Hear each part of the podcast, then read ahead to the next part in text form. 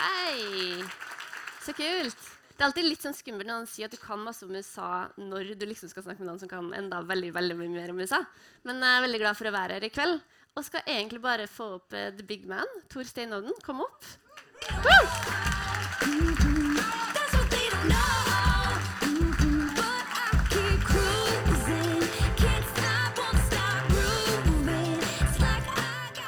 Her har Thor valgt musikken sjøl. Eh, nå ble det litt sånn latter her. Kanskje vi bare skal starte med det, Tor? Hvilken sang var det? Ja, det var Taylor Swift. Ja. Alle. Em, det var jeg som valgte den. Eh, og det er fordi at det er favorittsangen min på løping på Elixia. Og jeg får så mye tyn for det. Eh, men det er òg en grunn til at vi valgte Taylor Swift her i kveld. Eh, og det er fordi Taylor Swift har kasta seg inn i den amerikanske mellomvalgkampen og vist hvor mye makt hun har. For hun eh, fortalte sine følgere forrige uke at dere må, stemme, altså dere må registrere dere for stemme i det kommende mellomvalget. 55 000 stemte, eh, nei, registrerte seg den samme dagen. Det er det samme som eh, man gjorde i hele august i USA. Så Taylor har mye makt. så Derfor valgte jeg den sangen. Er kult. Eh, vi skal snakke mer om mellomvalget senere her i kveld. Vi skal få opp noen eh, flere eksterne krefter for å gjøre det. Men først skal vi jo snakke om boka di. Ja. Og gratulerer med bok. Tusen Så kult. Ja. Jeg har gleda meg til å snakke med deg om den. Eh, dere ser den jo her, og i motsetning til veldig mange andre bøker om USA for tida, så har ikke den Donald Trump på forsida. ja, det med vilje. Ja. Du har valgt Frihetsgudinna. Hvorfor det? Jeg tenker jo at det er et eh, symbol, eller for å illustrere det veldig tydelig, at det her handler ikke om Donald Trump. Eh, han er selvfølgelig med i boka, han starta boka, men eh, det handler stort sett om noe helt annet. Og den Frihetsgudinna symboliserer jo den, den, virkelig den amerikanske drømmen. det her eh, Håpet om at eh, i USA så kan alle klatre oppover stigen bare de jobber hardt nok. Og den boka jeg har skrevet, eh, den handler om veldig lange prosesser som jeg tenker motbevise litt av det. Ehm, og da passer det veldig greit å sladde over Frihetsgudinna eh, for å understreke det poenget. Så derfor har jeg valgt den. Eh, og så må jeg bare si kjapt, da, siden det kanskje er mulighet til å rose både forlag og designere, at eh, de folkene som, som jobber i Respublika nå, og spesielt Gerd Johnsen, redaktør, har gjort en fantastisk jobb, inkludert med den forsida her. Så tusen takk til forlag. Gi dem en applaus. Ja, men Det er fint. Um, vi kan jo på en måte prøve å sammenfatte litt av det boka di handler om, eh, bare så vi får et bilde, vi som sitter her i dag. Eh, Hva er det liksom du mener er problemet i amerikansk politikk i dag? Altså, Én ting er jo det som skjer i Det hvite hus um, med Donald Trump. Eh, det kan noen andre få snakke om senere. For det jeg beskriver her, er prosesser som har tatt lengre tid. De har ikke starta under Donald Trump, og de er ikke ferdige under Donald Trump. Eh, det handler bl.a. om retorikken som blir brukt i Kongressen. Eh, det handler om måten eh, Kongressen vedtar lover på. Før så, eller sånn som det egentlig skal være, så skal man f.eks. foreslå eh, en lov gjennom, nei, gjennom en komitéprosess som skal debatteres. Du skal ta hensyn til minoriteten i komiteen, og så skal den stemmes over flere ganger. Den prosessen er borte. Nå handler det egentlig mest om å få gjennom sine egne forslag med kun sitt eget parti sin, sine synspunkt. Det fører til at den loven da egentlig fort blir kasta på søpla når eh, da f.eks. demokratene kommer inn eh, og får flertall igjen. Eh, vi så det gjennom Kavanaugh-høringene. Eh, at politisering av institusjonene har òg nå nådd Senatet. Du har eh, demokratiske senatorer som reiser seg opp midt i en høring og bare går ut. Og Det var altså høringa på hvem som skulle bli den nye dommeren i Ja, høyesterettsdommeren. det var mye drama rundt det. Veldig kan mye komme inn på senere også, men ja. Men både, altså både Høyesterett og til dels Senatet har iallfall fram til nylig blitt sett på som institusjoner som er litt mer fri for denne polariseringa eh, som har grep om amerikansk politikk. Så det er jo en ting, Men så har du òg ute blant velgere du ser en veldig sånn tydelig og det skal vi komme tilbake til, tror jeg, men en veldig tydelig todeling mellom republikanere og demokrater. Ikke bare på hva man mener om ting, men rett og slett hvordan man lever livene sine. Så det, jeg mener det er noe mye større jeg har prøvd å beskrive her, da, fall, enn bare Donald Trump. Mm. Ja, og Vi skal komme tilbake til mye av det her, for det er veldig fascinerende og interessant. Men uh, du har valgt et lite utdrag som du hadde lyst til å lese for oss. Ja, Kan ikke du lese det? kan gi dere en liten kontekst, litt kontekst først. Ehm, før vi kommer til det avsnittet her, så har jeg vært i Kongressen og eh, intervjua en eh, tidligere stabssjef for en veldig konservativ eh, republikaner. Eh, han Stabssjefen er norsk, faktisk. Eh, Hans Høeg og tror kommer med ei bok om ikke så lang tid. Veldig fascinerende type. Og hans sjef Thomas Massey er en veldig sånn prinsippfast type, men som ikke er veldig konstruktiv. Så det er der vi hopper inn nå. Litt sånn kosestund her med 200 stykker som venter for at jeg skal si noe. Prinsippfast er en god betegnelse på Thomas Massey. Men han kan ikke beskrives som en spesielt konstruktiv folkerepresentant.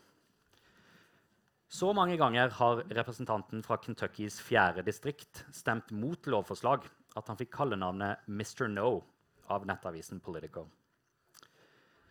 En av de mange gangene han stemte nei, var høsten 2013 da en gruppe kongressmedlemmer nektet å godta en budsjettavtale uten at den inkluderte finansieringskutt av helsereformen Obamacare.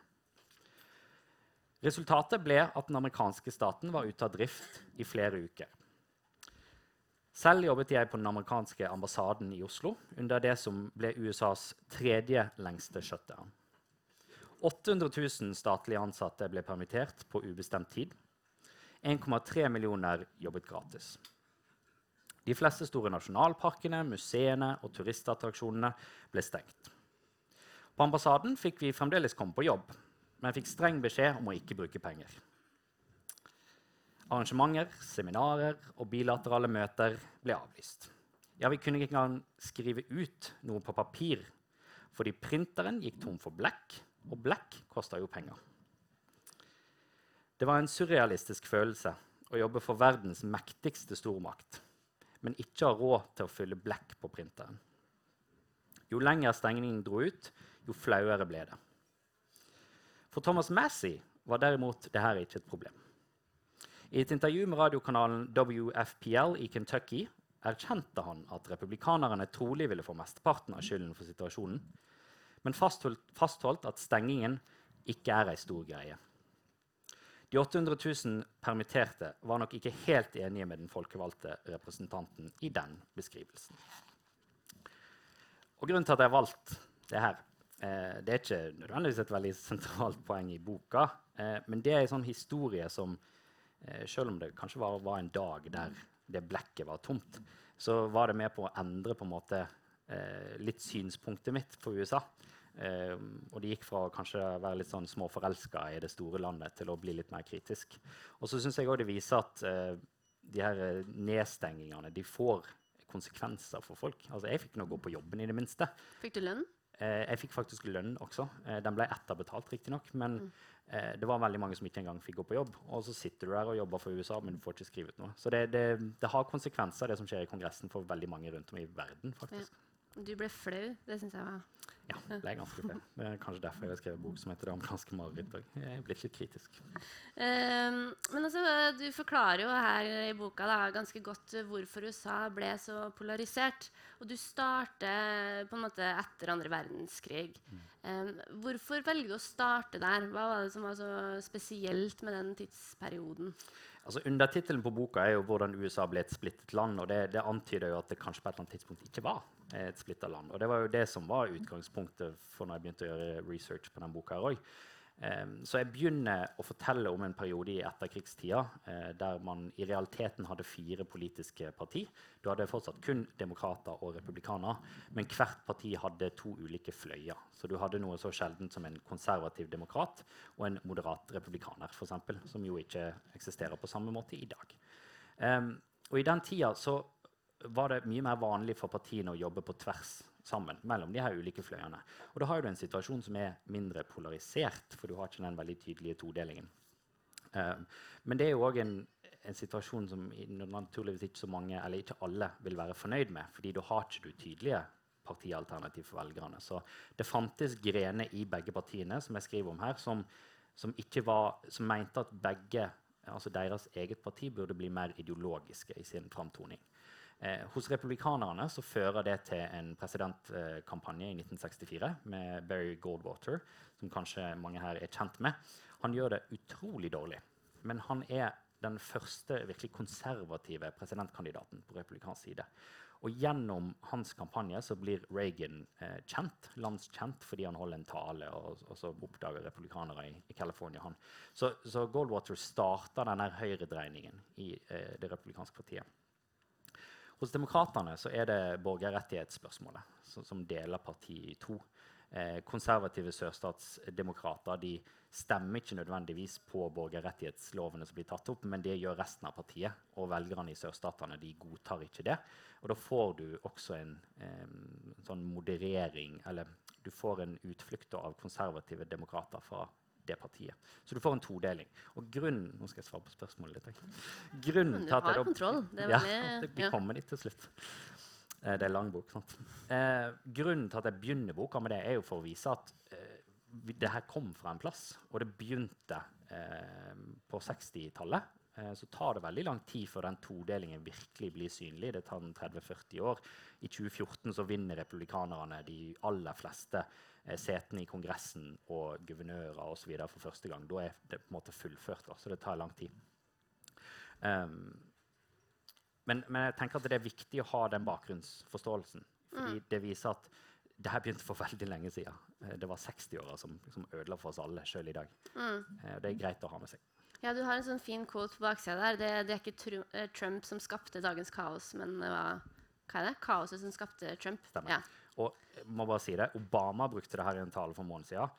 Akkurat idet jeg hadde skrevet ferdig boka. Det, det, er han som har tatt det til meg. Det er ikke omvendt. bare sånn at det er sagt. Men jeg ble ganske forbanna når jeg så at han hadde brukt det. Du får ta det som et kompliment. da. Ja, sånn.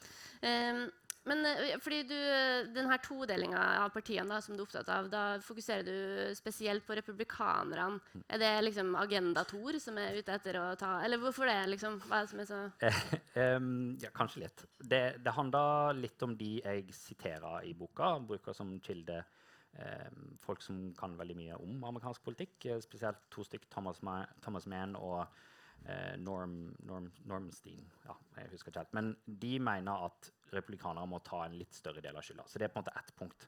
Eh, et annet er at jeg, tror nok det er kanskje mest fascinerende for nordmenn eh, å lese om republikanerne, fordi det er det eksempelet som er kanskje litt fjernest for folk. Um, en tredje ting er at jeg syns mange av de trendene som jeg skildrer, er tydeligere på høyresida. Um, av interesseaktører som får makt og sånne ting som NRA, for eksempel, som jeg skriver en del om. Uh, og så syns jeg sjøl de er mer fascinerende. Jeg, jeg syns demokratene blir litt kjedelige av og til. Det kan jo hende det endrer seg, Men jeg er mer fascinert av det som skjer i det republikanske partiet. rett og slett. Det er sånn motsetninger tiltrekker hverandre. Ja, Kjærlighetshistorieopplegg. Sånn. Ja, men det er fint. Um, måtte du, altså Det har en veldig sånn dramatisk tittel, og det er jo ikke sånn kjempelystig lesning alltid. Måtte liksom bli så ille da, som du mener at det har blitt i dag? Var det perioder der på en måte det kunne ha snudd, eller? Mm.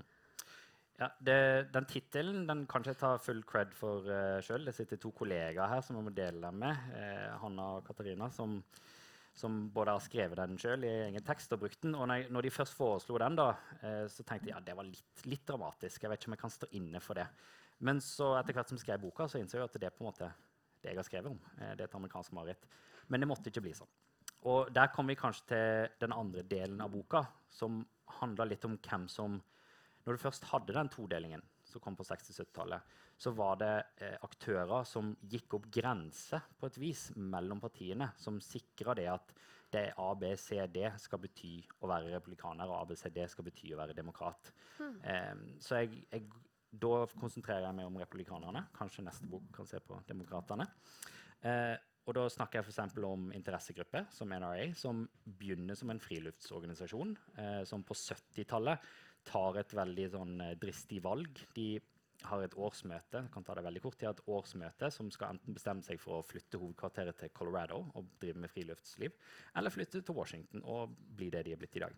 Og så kuppa noen eh, aktivister det og tar de til Washington, og de blir en sånn veldig mektig aktør.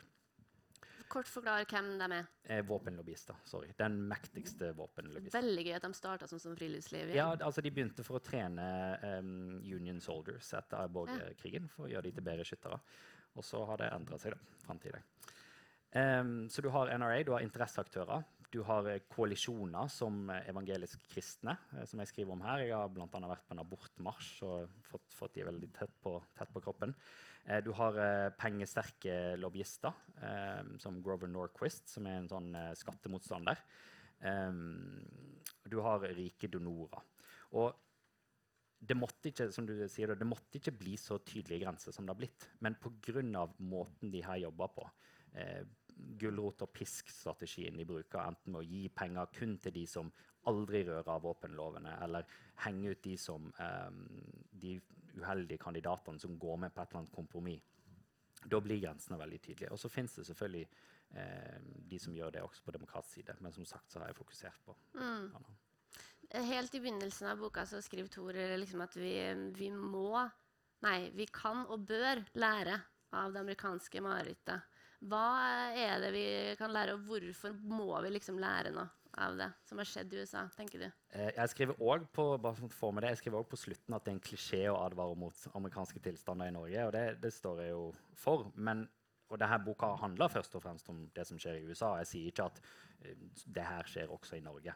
Men jeg tenker at det er noen punkter der vi kanskje, om vi ikke har sett tendenser til at vi, vi er litt i faresona. Um, jeg skriver om alternative medier. Et eget kapittel om det som jeg tipper Heidi har lyst til å snakke om etterpå. Heidi har også skrevet en ny bok som heter 'Løgn'. vi skal snakke om. Med Trump på coveret. Med Trump på coveret, Eller hånda, i hvert fall. ja. eh, alternative medier eh, i USA, spesielt på høyresida, har laga et sånt eget økosystem eh, der veldig mange av velgerne kun har tiltro til et fåtall eh, mediekilder og har veldig lite tiltro til de etablerte kildene. Det ser ikke vi i Norge. Veld, folk flest har veldig mye tiltro til NRK og andre eh, store aktører. Men eh, vi har jo fått blogger som Reset og, eller Reset og rights.no osv. Og, så videre, og det er ganske mange som leser de. Um, som er sånn innvandringskritiske blogger. Ja, alle vet jo det. Noen ganger blir jeg litt for sånn forklarende. Beklager. Men sånn, det at du sier at alle vet det, er jo òg et tegn på at de ja. virkelig er her for å bli. Um, og jeg, jeg synes det, det, gjør noe med måten folk eh, konsumerer informasjon på og nyheter på. Um, altså Du får nyheter som kun tilpasser, tilpasser din egen mening, og da blir det veldig mye vanskeligere å skifte mening. Så det er en av de tingene. Uh, en annen tendens er jo retorikken som brukes uh, mellom politikere. Uh, den store skurken i boka mi det er ikke Donald Trump, det er Newt Gingrich, som var um, til slutt ble han leder for republikanerne i, i Representantenes hus, men han, han, brukte lang tid på å komme seg dit, og på veien så mener jeg at han gjorde noe veldig forferdelig med amerikansk, altså det amerikanske ordskiftet. Og i Norge så er det jo noe enkelt som hevder at man man har sett sånne tendenser. Um, vi er jo midt oppi et uh, politisk spill her hjemme òg. Eh, og litt av grunnen til at Knut Arild Hareide har starta den prosessen han har gjort, mener han, er jo pga. at han føler at ordskiftet er på vei i feil retning. Så man kan gjerne le av uh, folk som bruker ord som imamsleiking og altså Judas og sånne ting, og tenker at ja, ja, men det var litt sånn artig. Men hvis det blir en trend, da, så endrer det sakte, men sikkert ordskiftet. Og i, i, boka så skriver jeg at det skjedde ikke over natta. Det skjedde over en periode på 20 år. Sant? Du ser ikke helheten i det. Um, så det er vel kanskje de, de, to viktigste tingene. Og så er det flere, men da må dere kjøpe boka. Ja, markedsfører til vanlig. Veldig bra jobba. Eh, men du, vi skal få opp eh, resten av gjengen vi, som vi har med oss eh, her i kveld. Så da ønsker vi opp velkommen til Vårin Alme. Kom opp som er kommentator på amerikanskpolitikk.no og Ampol Podcast. Heidi Taksdal Skjeseth. Nå får dere litt musikk her òg. Yeah. Og kom opp du, Eirik.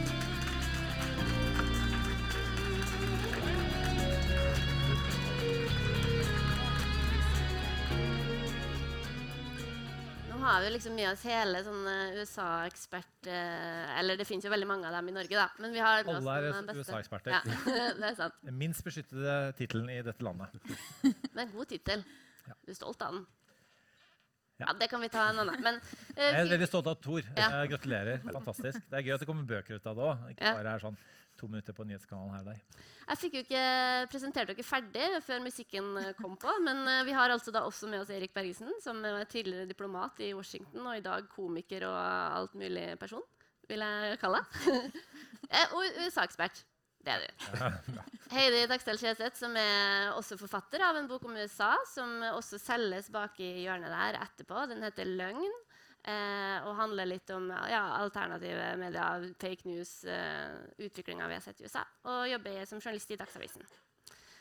Og Våren Alme, deg ønsker jeg velkommen. Så bra. Um, jeg tenkte Vi skulle ikke slippe boka helt enda. Um, um, men jeg tenkte å høre litt med dere. Hva, hva tenker dere om det som Tor har snakka om her til nå, og det som står i boka? Er dere liksom enig i den virkelighetsbeskrivelsen som han, som han legger fram om dagens USA? Hvorfor det har blitt sånn? Uh, Våren, vi kan jo starte med det.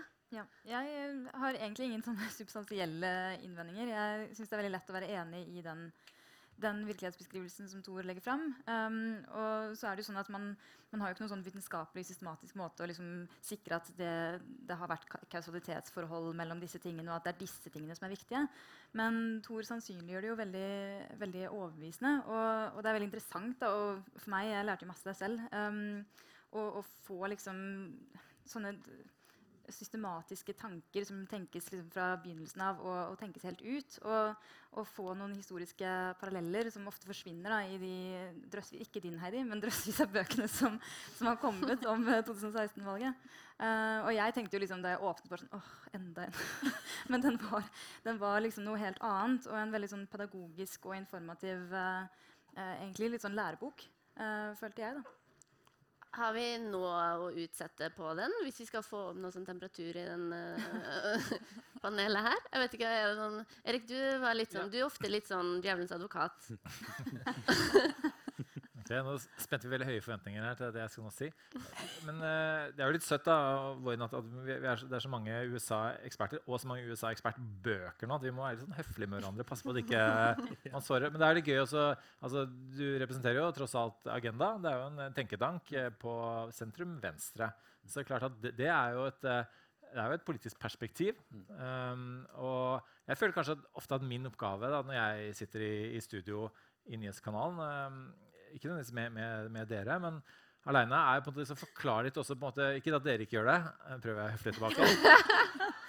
altså, hvorfor er det Trump gjør det han gjør? da? Hvorfor sier han det han gjør? For det er jo min, det er to måter å tolke det på. Enten at han er liksom gæren og i, ja, mangler impulskontroll og er i ferd med å bli mer og mer løssluppen osv. Eller at det er en strategi bak. Uh, og jeg, jeg, jeg, hadde sånn her, skulle være debattleder for noe, um, et arrangement med noe, en kinesisk delegasjon. Og de er jo, som vi vet fra nyhetene siste uka, veldig forsiktige. Uh, og så fikk jeg han tolken. plutselig var, så jeg sto liksom på tomannshold. Uh, sånn og det var en stor delegasjon som tok bilder. var et stykke unna. Og så snakka vi om Trump, og så sa han bare sånn He knows exactly what he's doing. Mm. Beklager at jeg prøvde ikke å etterligne der, men altså, han vet akkurat hva han gjør. Eh, og det altså, kommer fra det regimet der. Det tror jeg sier litt. Uh, og, og jeg, Min tolkning er at han har en strategi bak. Og jeg føler at Min jobb er å forklare hva den er, og ikke, si, ikke like så grad si om det er en bra eller dårlig strategi. Som Tor ikke gjør, tenker du? Var det, var det Ja. Nei, det er ikke det. Og, og, og det, det, du sier om dette med det amerikanske marerittet også, uh, det er helt riktig. Og det slo meg første gangen da jeg og du var det dagen etter valget, eller var det et par dager etter valget? Democrats Abroad? Ja, et par dager etter valget. Par dager etter valget. Mm. En bar eh, Valget av Trump? På, på Majorstua etter valget av Trump. Kurt Rice, følger på første rad, var der. Skal, der sitter det da amerikanske amerikanere, demokrater, som bor i Norge. Eh, og så skal jeg høre først Thor fortelle hva som egentlig skjedde. nordmann. Eh, og så skal jeg tulle med det som skjedde. Eh, og de, var, de hadde gjennomgått et mareritt. Helt åpenbart. De var lei seg, sinte.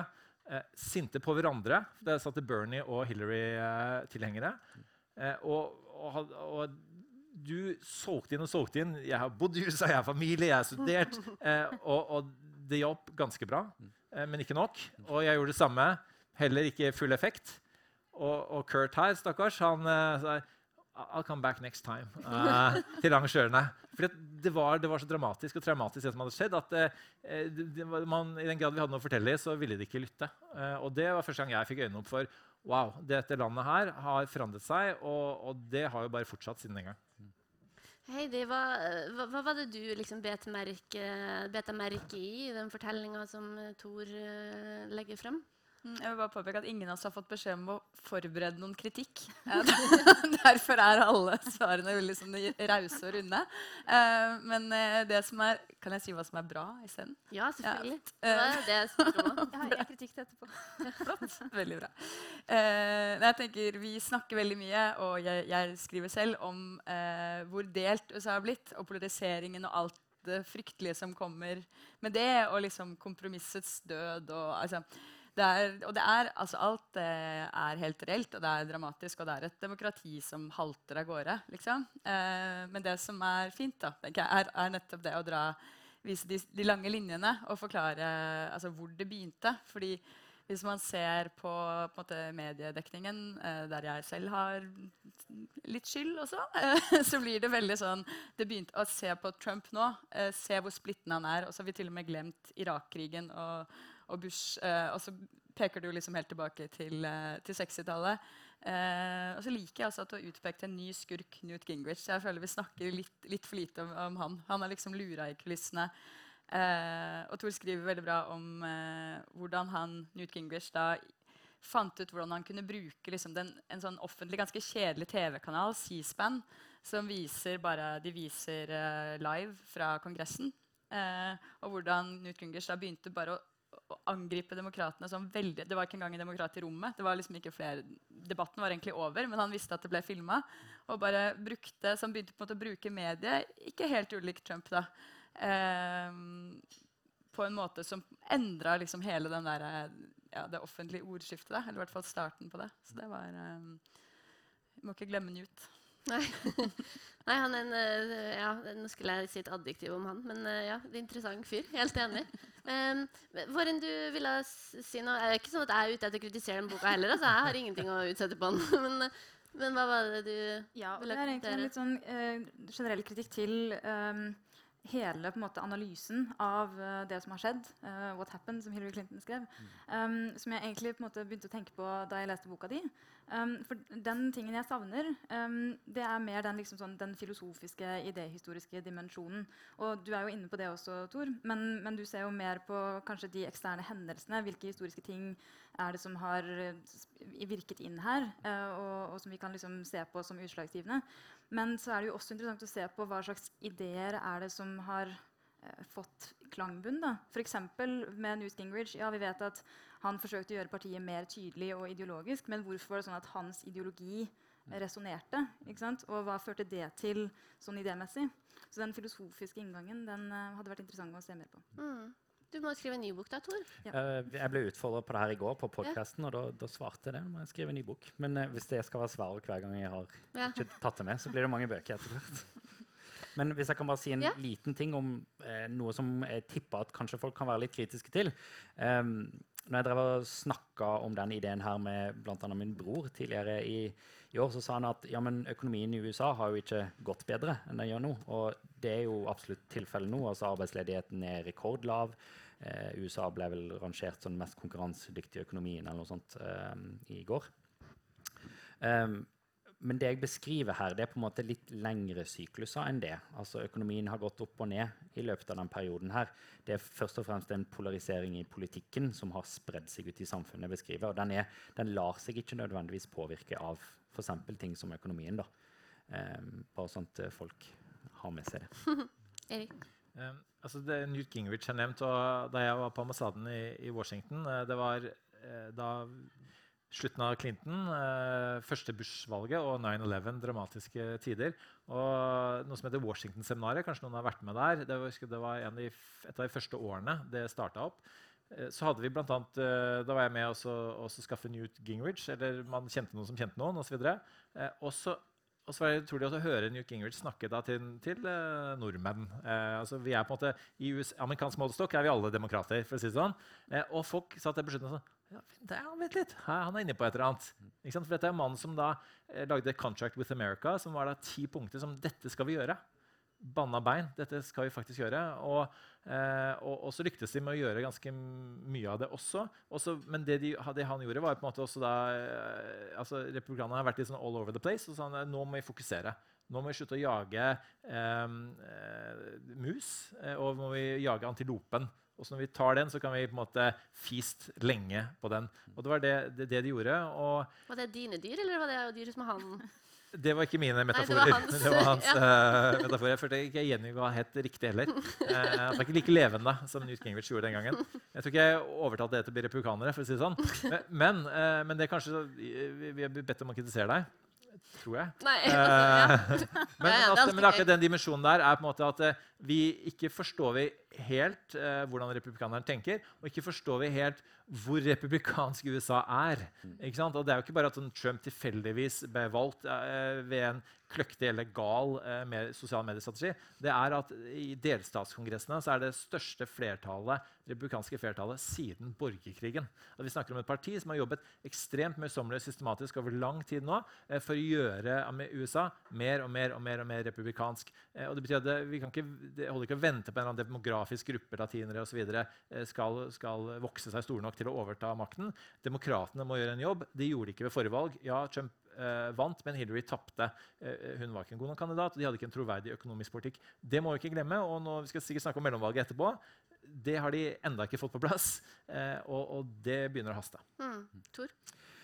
Um, ja, altså En av de, den store kritikken mot Obama i etterkant når han gikk av, var jo at han hadde forlatt eh, altså han forlot et parti som han hadde glemt å bygge opp under seg.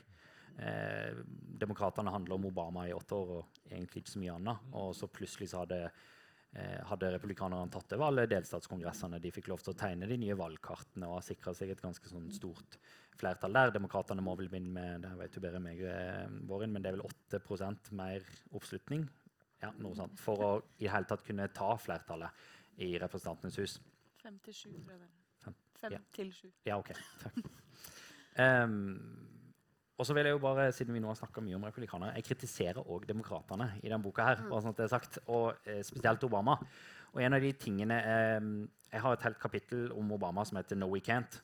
Og der beskriver jeg, eh, beskriver jeg en president som gikk til valg på, med veldig sånn rosenrød retorikk om at tverrpolitisk samarbeid skal bli great again i Washington. og lova gull og grønne skoger. Og Den kvelden han ble innsatt, så møttes en hel bråte med sentrale republikanere i, i Washington DC på en sånn, litt sånn luguber eh, kafé, bortgjemt kafé og bestemte seg for at måten vi skal gjenoppbygge det republikanske partiet på, det handler først og fremst om å si nei til alt Obama gjør.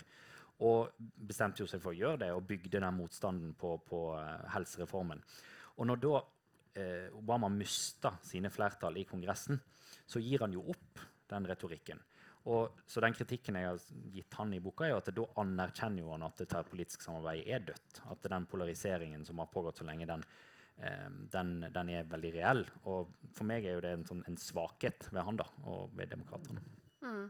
Kort kommentar, Erik. Erik. Ja, altså jeg tror på at det er litt naivt å tenke at altså, ja, Trump snakker om 'make America great again', og sånne ting også, men Obama snakka om uh, 'change', eh, 'we're the ones we eh, are waiting for'. Altså, eh, altså det, måte, var det så mye mer eh, statsvitenskapelig fundert? Eh, altså, måte, det handler om følelser her. og og da Obama brukte en sosial mediestrategi som dreide seg om følelser.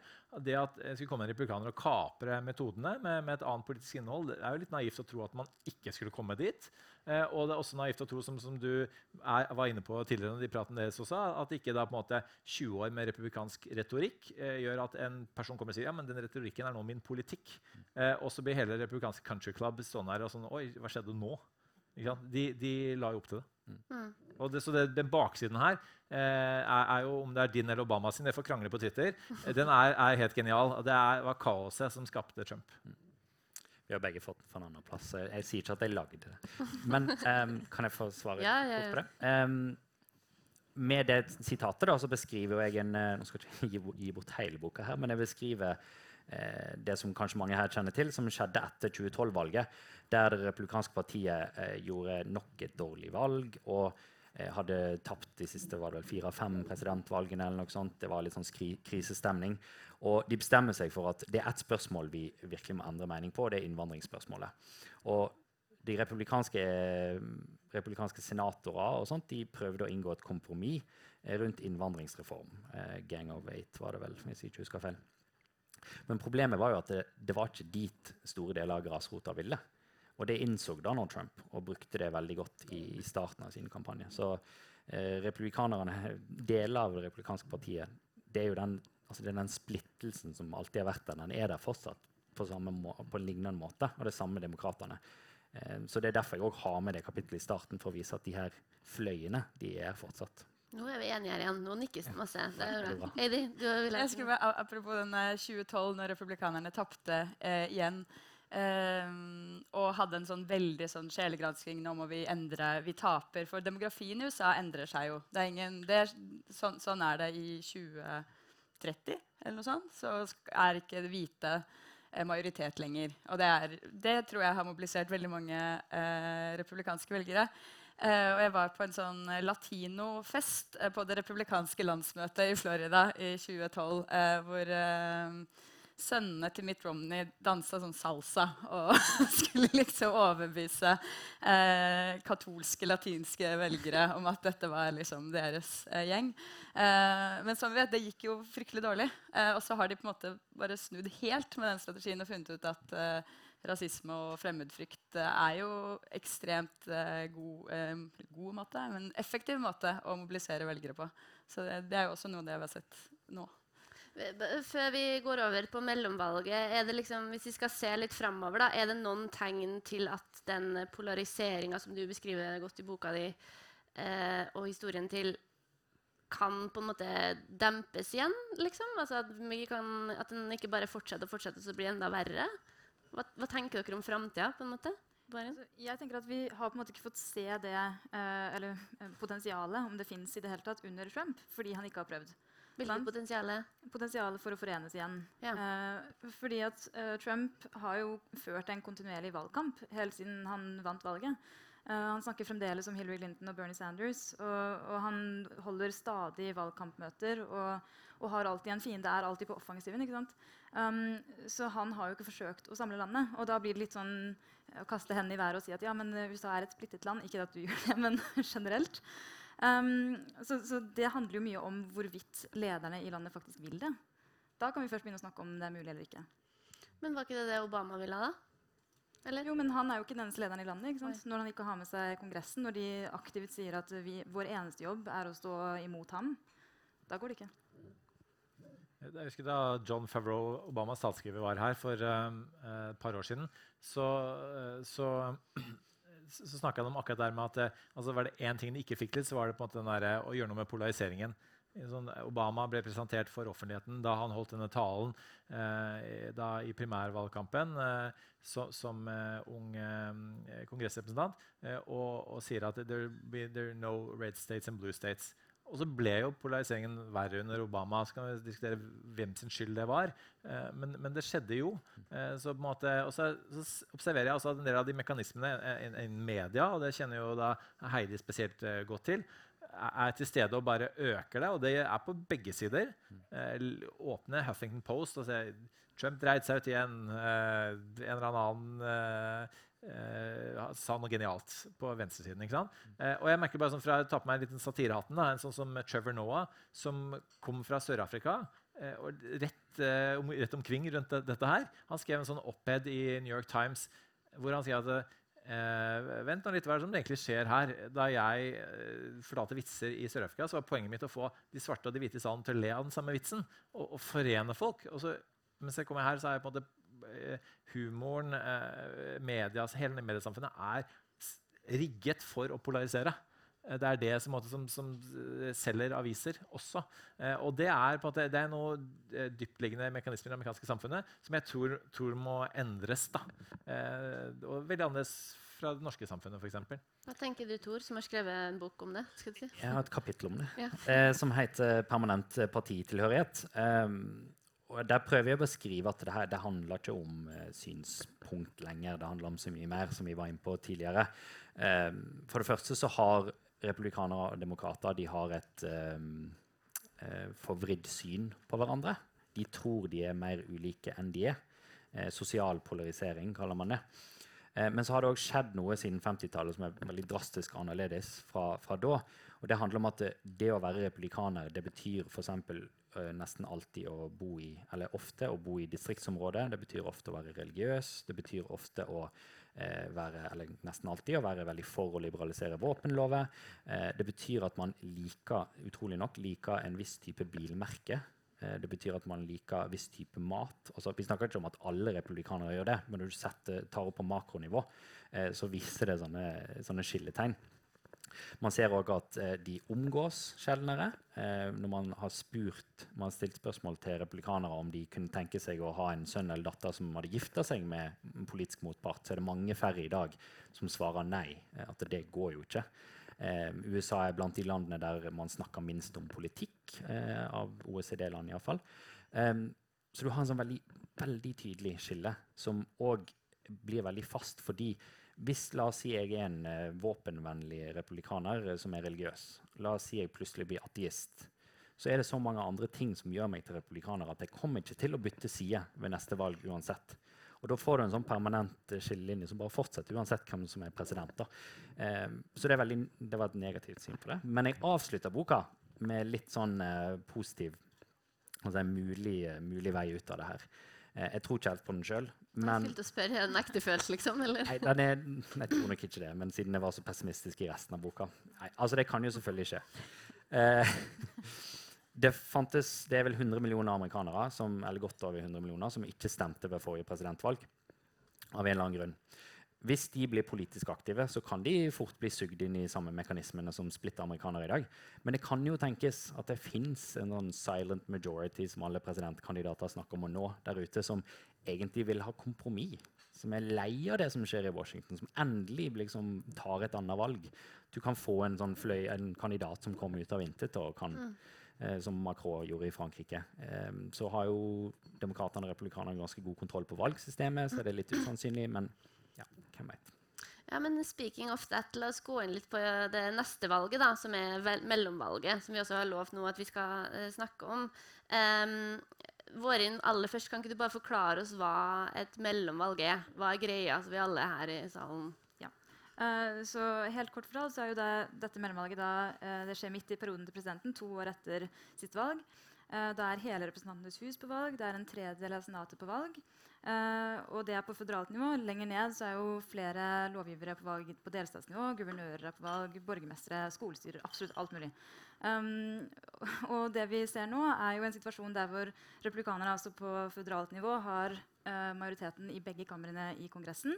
Um, der vi forventer at demokratene skal klare å ta igjen flertallet i Representantenes hus. Da trenger de sånn ca. 23 seter, og det ser det ut til at de klarer. Uh, de trenger to seter for å ta tilbake kontrollen i Senatet. Det er langt vanskeligere. Grunnen, selv om da historisk det er sånn at opposisjonspartiet til presidenten pleier å gjøre det bra i mellomvalg, så er det noen grunner til at demokratene er veldig uheldige i år. Og det er uh, for det første at det er veldig mange demokrater i Senatet som er på valg i forhold til republikanere. Så de må forsvare seter istedenfor å prøve å ta nye. Og hvis de da skal, skal klare å ta tilbake igjen majoriteten, så må de liksom gjennomføre et perfekt valg. Både forsvare og ta nye. Uh, og så er det også det at de er veldig uheldige med hvem som er på valg. Og det er fordi at flere demokrater stiller i Trump-vennlige delstater, mens det samme ikke er sant for republikanerne. Der er det vel bare én senator som er på valg i en stat der, der Hillary Clinton vant, og det er vel Dean Heller i Nevada. Så, så det blir fryktelig spennende å følge med på Senatet. Ja. Men, men nå har det jo på en måte vært en slags valgkamp ganske lenge, egentlig helt siden Trump ble valgt, som du sa i stad. Men, men hva er det som har dominert det her racet fram mot uh, mellomvalget? Eh, hvilke saker er det vi har eh, hørt om i det siste? Jeg vet ikke, mm, Heidi, velg en sak som du tenker har Den mest innlysende saken er jo valget av høyesterettsdommer, som på en måte nasjonaliserte alle disse lokale valgene. At det plutselig handla alt om det som skjer i, i Washington. Eh, og veldig mange av eh, kandidatene har selvfølgelig blitt pressa. Altså, I republikanske stater har det vært press på her skal, mot den demokratiske motkandidaten. Har du stemt mot? Uh, hun stemte mot. Uh, for en forferdelig person uh, hun er. Altså, det har blitt veldig prega av, av hele den ganske stygge prosessen rundt Brett Kavanaugh. Og det man trodde først, var jo sånn eh, Dette er kjempegode nyheter for demokratene. Eh, en eh, overgriper må sitte og, og eh, Eller en påstått overgriper må sitte og forsvare seg på eh, alle kanaler. Eh, men så har det da blitt vist en Altså har også republikanske velgere har blitt veldig mobilisert av det her. Så det har egentlig, jeg tror kanskje det har i hvert fall i en del delstater vært veldig bra for de republikanske kandidatene. Det at eh, det var så mye støy og uh, uenighet. Og det er også sånn, sånn Trump-kjennetegn. Når det er eh, støy og krangel og uh, folk som leser New York Times, sier at herregud, det er helt åpenlyst at han tar på det, så vinner han på det. Uh, det har vært masse sånn, helt sånn små, så tilsynelatende ubetydelige krangler om det er lov å, å sette kne i bakken når man synger nasjonalsangen, som Trump har lagd et sånn kjempekaos av. Eh, som han da går opp på liksom, job approval. Går opp eh, når det er bare alle er rasende, liksom. Så mobiliseres ofte hans folk. da. Så jeg tror den eh, ja, eh, Paradoksalt nok så ser det ut som Kavanaugh har gitt litt sånn boost til en del av de lokale republikanerne. Mm. Erik? Um, jeg tror at hvis, hvis man skal forenkle amerikansk politikk ned til to teser, så, så tror jeg at som du var inne på dette med økonomien altså It's the economy stupid, som er war-roomet til Clinton som, som kom opp med i sin tid.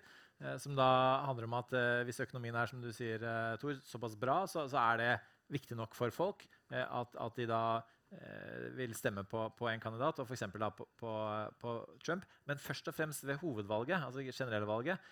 For den andre tesen det er at all politics is local. og Det var det Tip O'Neill som en gang sa for mange år siden.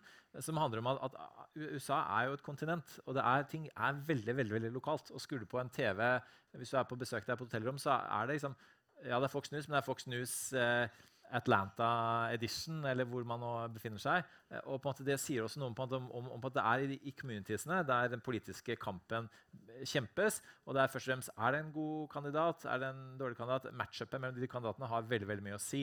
Så, sånn at vi, ja, det er, og sånn altså, En kanal som CNN er det jo faktisk ikke, og New York Times er det faktisk ikke så mange som ser på eller leser, som vi har grunn til å tro her hjemme.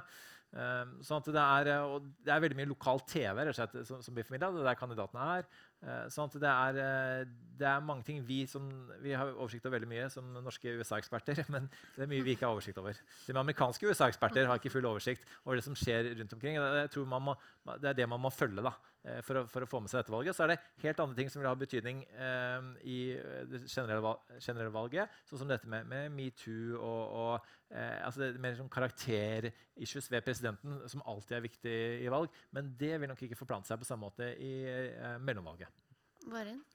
Eh, jeg- er enig i mye, men, men akkurat dette med all politics is local vet jeg ikke om stemmer akkurat dette valget her. Altså, denne blå bølgen som vi har sett så langt i suppleringsvalg og i primærvalg, um, den har handlet mye om Trump. Uh, syns jeg. Um, og, og det kommer til å være noe av saken her. Og selvfølgelig er det forskjell på delstatene. Men, men mye her kommer nok til å bli et opposisjonsvalg og en slags dom over Trump. Um, og, og det blir jo helt tydelig en sånn slags uh, konkurranse om oppmøtet her. eh, hvem som er sinte, og som, hvor lenge dette varer. Og så, i det hele tatt. Pluss at hvis vi skal ta, ta fram James Carville sitt slagord, It's the economy stupid, så kan vi også ta med det neste punktet, som var Don't forget about healthcare. Um, og det, det gjelder fremdeles. Altså, Obamacare er, er en enormt viktig sak for veldig mange amerikanere, selv de som stemte på Trump. Eh, og hvis vi skal ta opp igjen Dean Heller fra Nevada, som da sitter ganske utrygt som republikansk senator, så er jo helseforsikring et av de store temaene rundt ham. Eh, han har vinglet der og, og var først for Obamacare, og så endte han opp med å stemme for da, forslaget eh, for å oppheve Obamacare. Så, så sånn sett så kan det være en, en drepen for han. da. Tor, hva tenker du?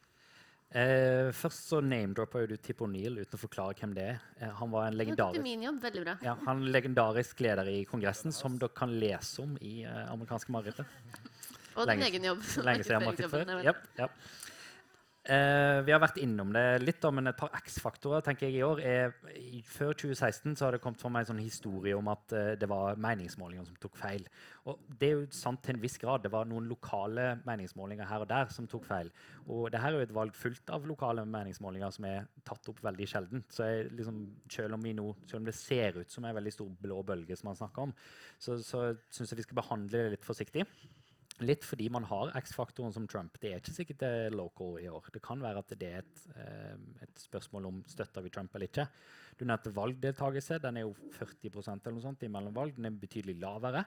Det er lettere for Trump da å mobilisere de eh, kjernevelgerne han trenger.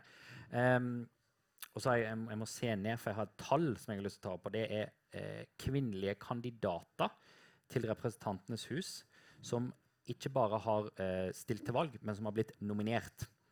I 2016 så var det 167. I år er det 234. Så selv om man kanskje ikke ser et utslag av det etter det valget, her, så har det skjedd noe, eller det skjer noe i amerikansk politikk som et svar på Donald Trump. Eh, etter Kevin, etter ehm, høringene med Anita Hill i 91 så fikk man The Year of the Woman året etterpå. Kanskje i år får vi allerede The Year of the Woman pga. Donald Trump.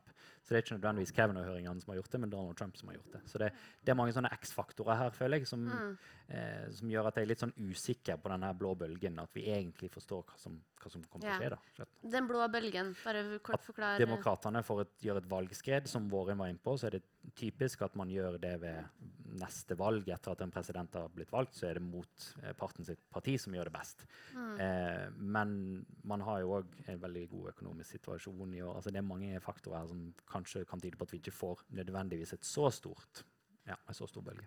Ja, Det er sånn, det ble sagt så mye at det er, god, det er veldig god økonomisk situasjon i USA. Og det er, liksom, det er riktig at det er uh, OK økonomisk vekst, uh, i hvert fall siden uh, finanskrisa. Men, men eh, veldig mange amerikanere, eller de færreste amerikanere, merker det uh, på liksom, sin, uh, sin lønn. Og medianlønna har ikke gått opp i det hele tatt. Og, altså, det er gjort et ørlite skattekutt for folk som tjener veldig, li lite, eller sånn average. Uh, og det har gått og blitt kjempestort skattekutt til, til toppen. Så vet, altså den er, det går bra eh, sånn, hvis man ser på statistikken, men jeg er ikke helt overbevist om at det er et sånn kjempeargument for amerikanske velgere. At de føler liksom at de er, har mye bedre økonomi nå. Du skal få svare kort på det. Ja, eh, enig. Eh, men Donald Trump er veldig god til å selge de tingene som går bra, til sine egne. Og hvis et valg som jeg skriver i boka handler om egentlig om å oppildne egne velgere heller enn å vinne over andre, så tenker jeg at det kan være en fordel for han. da. Men altså, midt oppi alt det her, og nå som vi ofte leser om i norske medier, er jo den her spesialetterforskninga som foregår mot Trump. ikke sant? Mot det her samarbeidet mellom Trumps valgkamp og russiske myndigheter. Og han godeste Müller Møller Müller? Møller. Møller? Møller. Det er bra, jeg har eksperter på sida her. Eh, og nå er det jo på en måte litt sånn stille om den etterforskninga, sikkert også fordi det er valg på en måte, eh, som kommer fram. Men hva, hva er liksom det største sprengstoffet som kan komme ut av den etterforskninga, sånn som dere ser det, ekspertene? Ja, Vårin peker på seg sjøl. jeg, jeg altså Den aller største tingen er jo altså at man får påvist at dette her har gått hele veien opp til Trump. At han har visst om eventuell da sammensvergelse med, med russisk etterretning eller russiske myndigheter. Uh, og mye uh, har jo pekt mot at han har gjort det. Eh, og særlig da rundt dette møtet som var i Trump Tower mellom da den russiske advokaten og, og bl.a. Donald Trumps sønn og svigersønn. Um, så har jo Trump selv sagt, og hans svigersønn og så videre også, sagt at Trump ikke visste om dette selv. Um, det virker jo kanskje usannsynlig gjennom at han var i en annen etasje på samme tidspunkt osv. Um, og dersom han har visst om dette møtet og sett den mailen som hans sønn da, altså, publiserte etterpå, så er det ganske sånn uh, det er ganske ille. Uh, og grunnen til det er at det står svart på hvitt at uh, altså Trumps sønn blant annet, da fikk beskjed om at Kreml har en aktiv uh, innsats på gang for å hjelpe Trump å vinne valget. Og hvis du da ikke sier fra til amerikanske myndigheter, så er det ganske ille. Hvorfor gjør ikke det her at det går dårligere med republikanerne i mellomvalget? Heidi? Fordi de ikke tror på det. Ja. Uh, og da er vi inne på eller, som kjernen i, i Tors bok, som jo er polariseringen. Så, og, un, og det som ligger under der, er jo en mistillit, en voldsom mistillit til eh, hverandre. Og da til eh, amerikanske institusjoner. Eh, blant annet, både et, altså ikke bare mediene er én ting, eh, men det er også veldig lav eh, tillit til, eh, til amerikanske etterforskere. For, og det bygger jo Trump opp under hele tiden, fordi jeg tror han er redd for hva som skal komme fram. Så ved å stadig undergrave de som har som jobb å rapportere om fakta, så kan det jo hende at vi, det kommer fram. Men hvis, ikke, hvis halvparten av amerikanere ikke tror på det, så er det ikke sikkert at det får noen konsekvens. Eh, så dette er en sånn pågående kamp om, om tillit også da, for eh, etterforskerne. Det, det, er på en måte, det er på en måte hele metoden som, jeg, som Trump bruker, og forstått, som demokratene bruker, som brukes i politikk, er jo da når det kommer en sånn skandale, så, så er, blir jo de republikanske politikerne i Kongressen også veldig sure. Og, og de på en måte setter seg på gjerdet da, og så kommer det en eh, talsperson, eller Trump selv, og så gir en forklaring eh, på det som har skjedd. Så er veldig ofte den forklaringen eh, ganske usannsynlig. Men, men det gir da på en måte et argument, en historie som de kan da knytte seg til. Og, sånn, og kan si at ja, han ga en forklaring, eh, og da. Ja, ja, gjerne en anklage tilbake og double down osv. Men at eh, da blir på en måte det, ikke, det er jo ikke sannheten eller bevist eh, i noen grad, men det blir på en måte det de støtter seg til. Eh, han ga en forklaring, og jeg, da går vi videre. Eh, og det er klart at eh, Vi vet jo fra primærvalgkampen at eh, 17 kandidater stilte mot Trump. Partiet motarbeidet han til siste slutt. Eh, så de liker jo ikke Trump for å si det sånn. Eh, og, og, men så vet de Og så, og så er det jo de, Mange av de tingene som vi ser ved Trump nå, så vi i valgkampen nå. Og folk stemte allikevel på han. Og det gjelder metoo, det gjelder alle de aspektene der. Det gjelder alt av på en måte dette med at han det med privat stiftelse som da sønnene skal drive videre mens han skal se en annen vei, eh, istedenfor den blind trust, som er, er det vanlige, hvor man ikke er helt eh, frigitt fra, fra den personlige økonomien og den nasjonale økonomien. Så det er mer enn nok for å ta ham på, altså, hvis man skal si at noe er ikke konstitusjonelt osv. Men, men dette er jo politikk, for de vet, republikanske kongressen vet at de, de, altså, de, det var ingen som stemte på de. De stemte på Trump fordi han var en annen enn de. Så de har jo ikke den politiske legitimiteten som skal til for å velte han. Og dette er jo politikk, dette er ikke juss. Hvilken etasje han var jo ikke, det er, det er til syvende og sist ikke, ikke avgjørende. Eh, og så er hvis Trump virkelig driter seg ut på et eller annet politisk, og de finner at noen må bare kvitte oss med han, da kommer dette her til å gå veldig veldig fort. for å si det sånn. Hvis han får det til. Ja, Tor? Jeg vet ikke om jeg har så mye å legge til jeg, egentlig på det. Nei? Bare tulla. Ja. Ehm, Har en hel bok, si. Ja, sant. Eh, jeg må jo innrømme at jeg, jeg er ikke helt solgt på den Russia-konspirasjonsteorien om han. Eh, jeg, jeg tror mer på at det her var klønete, eh, egentlig. Så jeg tenker at sprengstoffet det ligger i New York. Eh, I den fortida hans der. Der Ja. tror jeg det ligger mye grums. Da han Eh, var eiendomsmogul og ja. Eh, og der er det jo alltid historie om mafia og så videre, sånne ting. Og eh, som, som Erik ofte sier når han er på nyhetskanalen, at eh, Lewinsky-skandalen begynte jo med Whitewater, altså med eiendomsinvesteringer. Det var det spesialetterforskeren begynte å se på. Og så gikk det tre og et halvt år, og så fikk vi Lewinsky. Så selv om det føles som at det her har gått lang tid, og nå burde det vært ferdig, og sånn, så er ikke sikkert vi er med veis ende med det her. Det kan være mye Men Trump har jo hatt ganske mange Lewinsky, altså Monica Lewinsky, sånne type kvinnehistorier. da. Mm. Det er jo ikke Han blir vel neppe felt på en kvinnehistorie, tror jeg. Trump. Såpass kan vi konkludere nå. Ja. Det er bra vi kan konkludere med. det har vi, vi konkludert med, som Erik var inne på. altså En måned før valget så kommer jo Hollywood Access-filmen. Og eh, Det her lydopptaket. det er lydopptaket der han sier det han sier. Eh, Hvorfor skal man lete etter hemmelige lydopptak når det fins mer enn nok anledning hvor Trump har snakket inn i mikrofon ja. og sagt en hel rekke eh, spektakulære ting? da. og en måned senere så stemte åtte av ti eh, evangelisk kristne på Trump. Altså moralens høyvakte. Ja, altså I den grad Putin prøvde å hjelpe Trump til å vinne valget, så gjorde Trump veldig mye for å eh, gjøre det vanskelig for han å velge å hjelpe Trump til å vinne valget. For å si det sånn. Det er ikke bare en vits, det er en sannhet. Vi ler likevel. Vi ler litt sånn nervøst, merker jeg. Det, det er alltid bra. Men jeg, Ler og gråter inni oss. Ja. jeg tenker samtidig at eh, altså, Det blir jo en sånn tendens at vi tenker at eh, Trump kommer til å unnslippe absolutt alt. Uh, og, og, at, uh, og vi vet at han, basen hans er med ham på det meste. Men vi vet samtidig at eh, republikanere for øvrig er med om så lenge det er gunstig for dem. Eh, og- det har vi fortsatt ikke sett et eksempel på at det ikke er. Og vi vet fortsatt ikke hvordan mellomvalget kommer til å gå. Sant? Altså, taper, taper republikanere flest på å være for Trump, så vil den kost-nytte-vurderingen deres endres. Så må vi også huske på at man har fått ganske sånne spektakulære reaksjoner på Trump. Uh, for tenker jeg at metoo-saken aldri ville kommet for en dag hvis vi ikke hadde fått Trump valgt som president etter at 19 kvinner hadde anklaget ham om overgrep og trakassering. Det var det tenker jeg, som virkelig satte i gang Weinstein-etterforskningen fra medias side og, og virkelig ballet på seg. Eh, og som da har ført til at kvinner uh, en masse stiller som, eh, som til, for politisk verv. Det kommer gode ting ut av Trump også. Erik? Ja, det var ikke det jeg tenkte å svare på. men eh, det kan svare på en annen anledning. Men jeg vet jeg bare skulle nevne en, et annet eksempel fra norsk politikk. da. Um, per Sandberg måtte gå nå frem til tilbake. Hvorfor måtte han det? Hvorfor klarte han tross all verdens skandaler Liksom, at det, det, altså, han skalla ned en asylsøker, havna i fengsel, han var full på talerstolen i Stortinget. En hel rekke ting. Er Eh, sånn og- der helt å og det- for seg, men ja. ja, og eh, jeg har ikke sagt noe av det han, han nevnt noen av de tingene han har sagt. Men, men, men han, han holdt det gående helt til han faktisk måtte gå. Og ingen støttet han. Ikke engang basen. Hvorfor det? Jo, fordi at, og det er fordi han var sammen med en dame og hun var 30 år yngre, eller at han komprimerte eh, da, informasjon på, på reise. Det var fordi hun var muslim. Eh, og plutselig var basen vekke. For det ville ikke ha noe med å gjøre. Så, så det er den lille og det er, det er det, Selv om Erna hadde lyst til å redde han, så det var det på en måte ingen hun kunne på en måte støtte seg til. da. Eh, Og Det er, det er liksom et, et eller annet sånn game changer der på, på Trump. Hvis det er et eller annet han tråkker over en eller annen type strekk da, eh, som basen reagerer på, da som alltid har vært stødig på rundt 40% helt fra første stund, da er alt over. Hva kan det være? Det er veldig vanskelig på å spekulere i amerikansk politikk. for Uansett hvor crazy ting du ser for deg, så kommer det til å skje dagen etter. Eller har allerede skjedd.